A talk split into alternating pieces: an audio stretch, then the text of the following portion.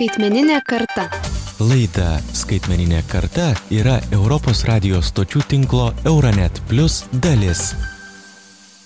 Gerą dieną žinių radio klausytojai, prie mikrofono Augustė Liberytė ir eterija laida Skaitmeninė karta.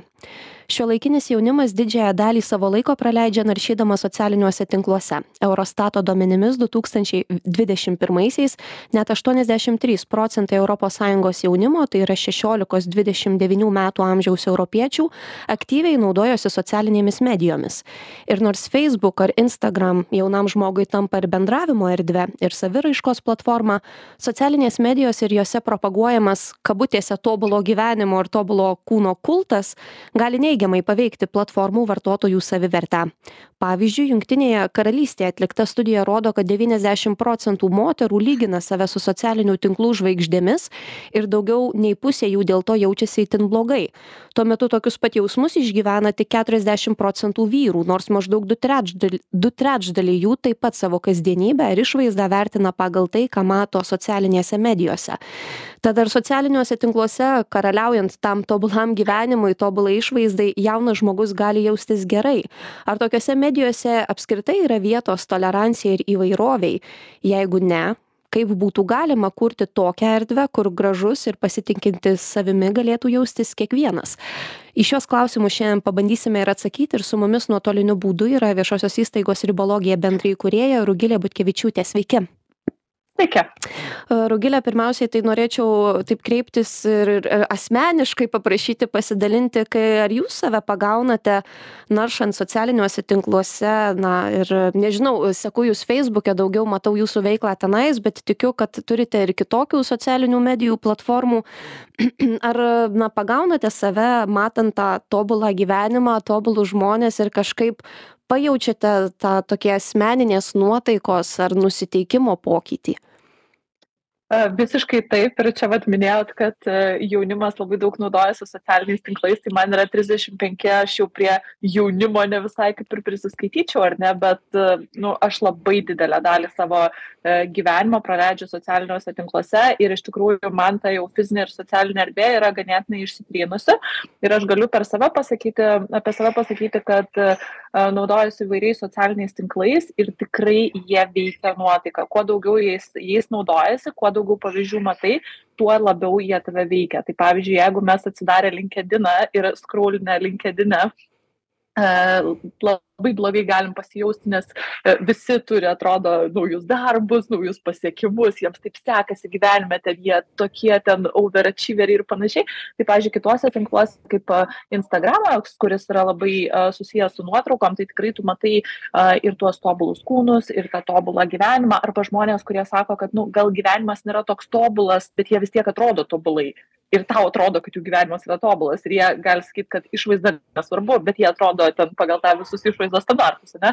Tai tikrai neverčia jaustis gerai ir neišvengiamai, kad ir kaip aš pati galėčiau sakyti ir, ir žinoti teoriškai, kad aš nu, neturiu savęs lyginti su kitais žmonėm, a, praktiškai tą padaryti labai sunku. Neišeina neslyginti, vis tiek neišeina. Taip, kaž, kažkaip kartais galbūt ir nuo to tokio, na, dienos priklauso, jeigu netakoja išlipi iš lovos, kažkas nepasiseka, tada dar pamatai, kad kažkas kažkas nuostabiai atrodo, tada pasižiūri į veidrodį, pats susimastai, kad gal čia kažkas ne taip, na, taip kartais, na, automatiškai ta, ta nuotaika tiesiog subjūra.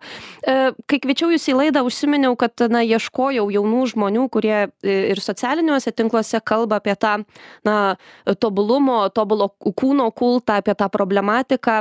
Ir, ir, ir kai kuriuos draugus bandžiau pakalbinti, kad tiesiog iš savo asmeninės perspektyvos, štai kaip ir jūs, na, pasidalintų, kaip jie jaučiasi, bet daug kas atsisakė. Ir ar nežinau, čia aišku iš darbinės perspektyvos toks keistas dalykas, bet galbūt čia mes galime irgi kažką iš to spręsti, galbūt tai iš tikrųjų yra daug gilesnė ir skaudesnė jaunam žmogui problema, negu gali atrodyti iš pirmo žvilgsnio. O iš tikrųjų tai taip ir aš per save galiu pasakyti, apie save irgi vėlgi galiu pasakyti, kad aš daug dalykų irgi dalinuosi ir, ir kviečiu žmonės, tarkime, nu, tikrai nesivadovauti stereotipais, gyventi taip, kaip jie nori gyventi ir panašiai, bet čia, žinot, labai dažnai taikoma batsiuvys be batų ir, pavyzdžiui, savo pačiai pritaikyti tai yra labai sunku. Ir gal galimai dėl to galbūt kartais žmonės irgi nenori dalintis, nes jie patys nežino to recepto ir jie kaip ir dalinasi jie yra orientuoti bet jie patys labai yra pavyzdžiui gali būt savim nusivylę galvoti kad jie yra nepakankami ir tiesiog nu nenorėti per daug eiti viešai į šitus dalykus. Kitas dalykas dar vienas ką aš pastebiu kad viena yra rašyti socialiniuose tinkluose o kai tu kontroliuoji turinį aš kai rašau aš kontroliuoju turinį storius kuriu video kuriu aš kontroliuoju ką aš noriu pasakyti. Kai tu eini į interviu tu nebūtinai kontroliuoji ką tu no ką ką tu ko tavęs paklaus ir kiek tu giliai gali nueiti. Ir tai gali irgi būti tam tikra jautri pozicija kad ne visas tarkime patirtis savo norėtum norėtum atskleisti. Tai vėlgi čia gali būt daug priežasčių bet jūs kaip ir minėjot apie tuos pavyzdžiui skirtumus tarp vyrų ir moterų kas yra įdomu. Tai aš pati žiūrėjau irgi įvairiausius tyrimus ir labai mažai yra yra tyrimų šita šita tema ir mokslininkai irgi faktiškai nesutaria, kad nu, nėra tyrimų, kurie tikrai rodo, kad socialiniai tinklai neigiamai veikia mūsų įvaizdį apie mūsų kūną. Yra tyrimų, kurie rodo, kad yra koreliacijų, kiti tyrimai sako, kad vėlgi veikia, galbūt gali veikti net ir pozityviai. Ir tarp vyrų ir moterų kokie skirtumai irgi yra įvairių tyrimų tokių mažesnių padaryta užsienio šalyse kad taip moterys atrodo labiau paveikia nes jos galbūt ir stereotipiškai labiau seka gyvenimo būdo žvaigždes ten garsenybes domisi figūros ten klausimais išvaizdos klausimais vyrai galbūt mažiau tų dalykų seka bet iš kitos pusės ką tyrėjai irgi pastebi e, įvairiuose tyrimuose kad e, klausimas ar jie sako kad jų neveikia ar jų iš tikrųjų neveikia nes vyrai nėra linkę taip atvirai dalintis kaip moterys ar ne kad taip mano iš tikrųjų aš savim pavyzdžiui labai nepasitikiu ir nesu patenkinta savo kūnu. Mes rečiau tą girdime iš vyrų bet vėlgi dirbdama su su jaunimu su berniukais su mergaitėm mokyklose matau kad berniukai ir mergaitės lygiai taip pat pergyvena dėl savo kūnų ir jie matydami tiek žiūrėdami tą pačią pornografiją tiek žiūrėdami tuos socialinius tinklus jie lygina save su žmonėm kurie yra ir vaikinam tai ypač būna kad raumenų per mažai pavyzdžiui aš turiu ar ne nesu tos vyriškai idealios idealios figūros ir jie galbūt bus visi visi kietuolio kaukę užsidėję kad man tas nesvarbu bet iš tikrųjų labai pergyvens ir ten tą geležį vėlai vakare stumdys savo kambaryje Mhm. Iš tikrųjų labai įdomus vat, pastebėjimai apie tas na, tyrimus ir statistikas, ne tik, kad jų yra mažai, bet ir dar, na, mes negalim iki galo pasakyti, ar tie procentai ir tie rezultatai pasako iš tikrųjų tai, ką, ką, na, ką perskaitom, ar iš tikrųjų dar yra daug tos pilkosios zonos. Dabar kviečiu trumpai pasiklausyti mūsų kolegų Vokietijos radio AMS žurnalistė Amelie Foster.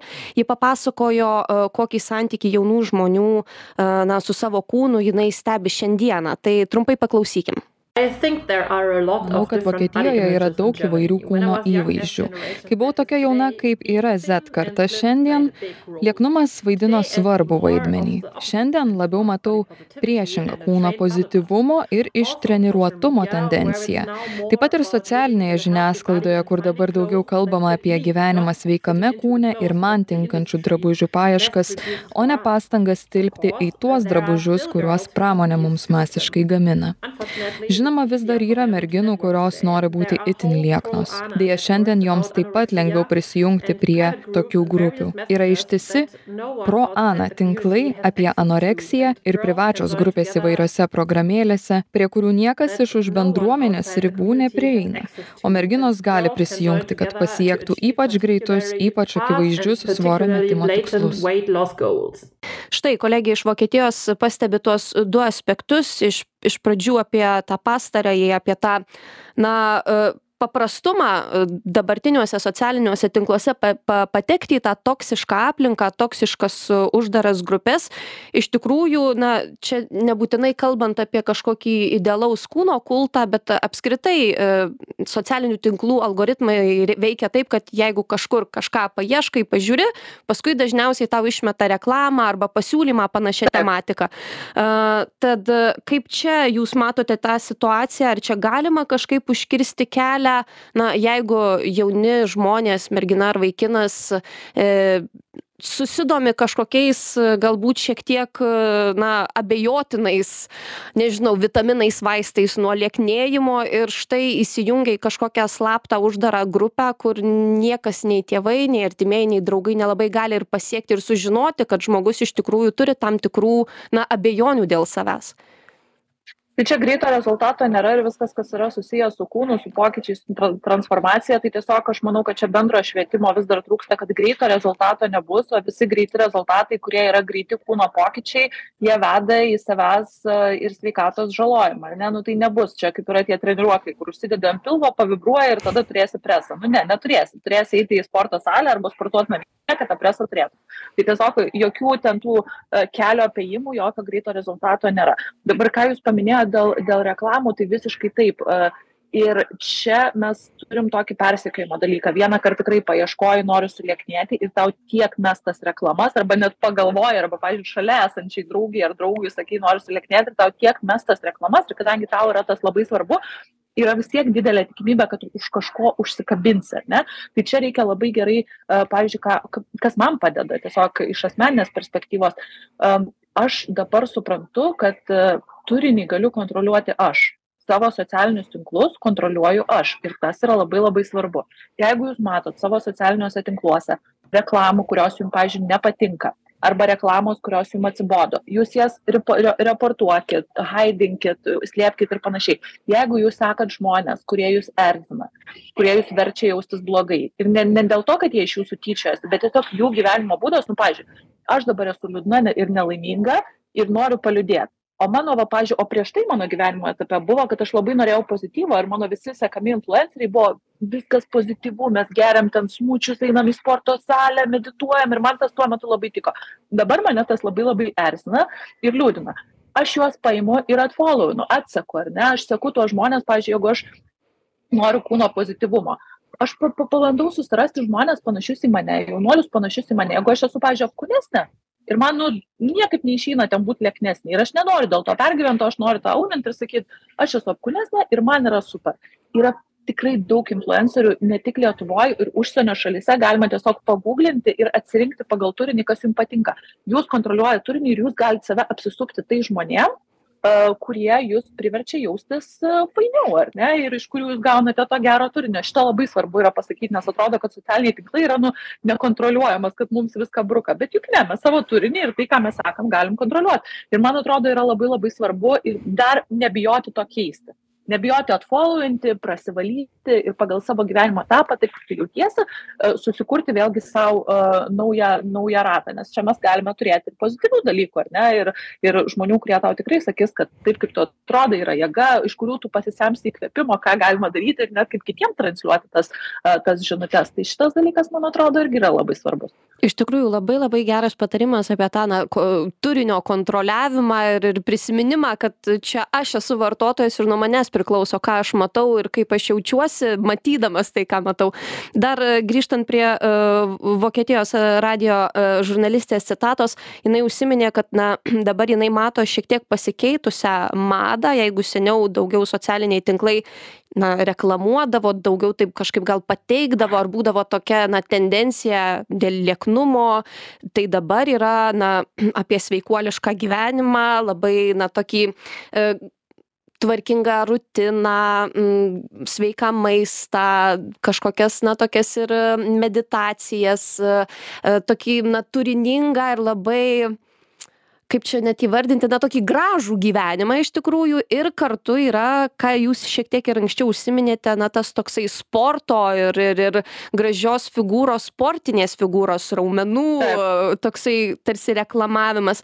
Kaip jums atrodo čia yra geresnis variantas negu na tas tam tikras lieknumo kultas ar visgi mes ne niekur nepabėgam ir problemos vis tiek lieka tos pačios aš manau kad čia labai reikalinga vėlgi kritinio mąstymo skatinimas. Socialiniai tinklai jie yra labai galingas ginklas mes per ten galime nešti daug gerų žinučių ir net neabejoju aš niekada net neraginu ten atsisakyti arba ten ypač apribot nu aš sakau pati daug juose gyvenu ir ir nu negalėčiau kitiem rekomenduot negyvent kaip pati taip darau ar ne? Bet ką yra labai svarbu suvokti kad reikia kritinio mąstymo. Jeigu mes įsijungiam televizorių ir ten galime matyti dezinformacijos bet ten mes tarkim ir televizijoj radijuj yra labai daug žmonių kurie kuria pro pro programas per kuriuos praeina tas turinys turinys ir ta tas dezinformacija prasifiltruoja ar ne yra patikrinama informacija nesakai be bet ko ir panašiai tai socialiniuose tinkluose reikia labai turėti omeny kad ten žmonės kuria informaciją. Ir kas yra tas žmogus? Ar jis yra treneris, ar jis e, penkis kartus pasportavo ir sakė, kad jis yra treneris. Aš irgi galiu sakyti, kad aš esu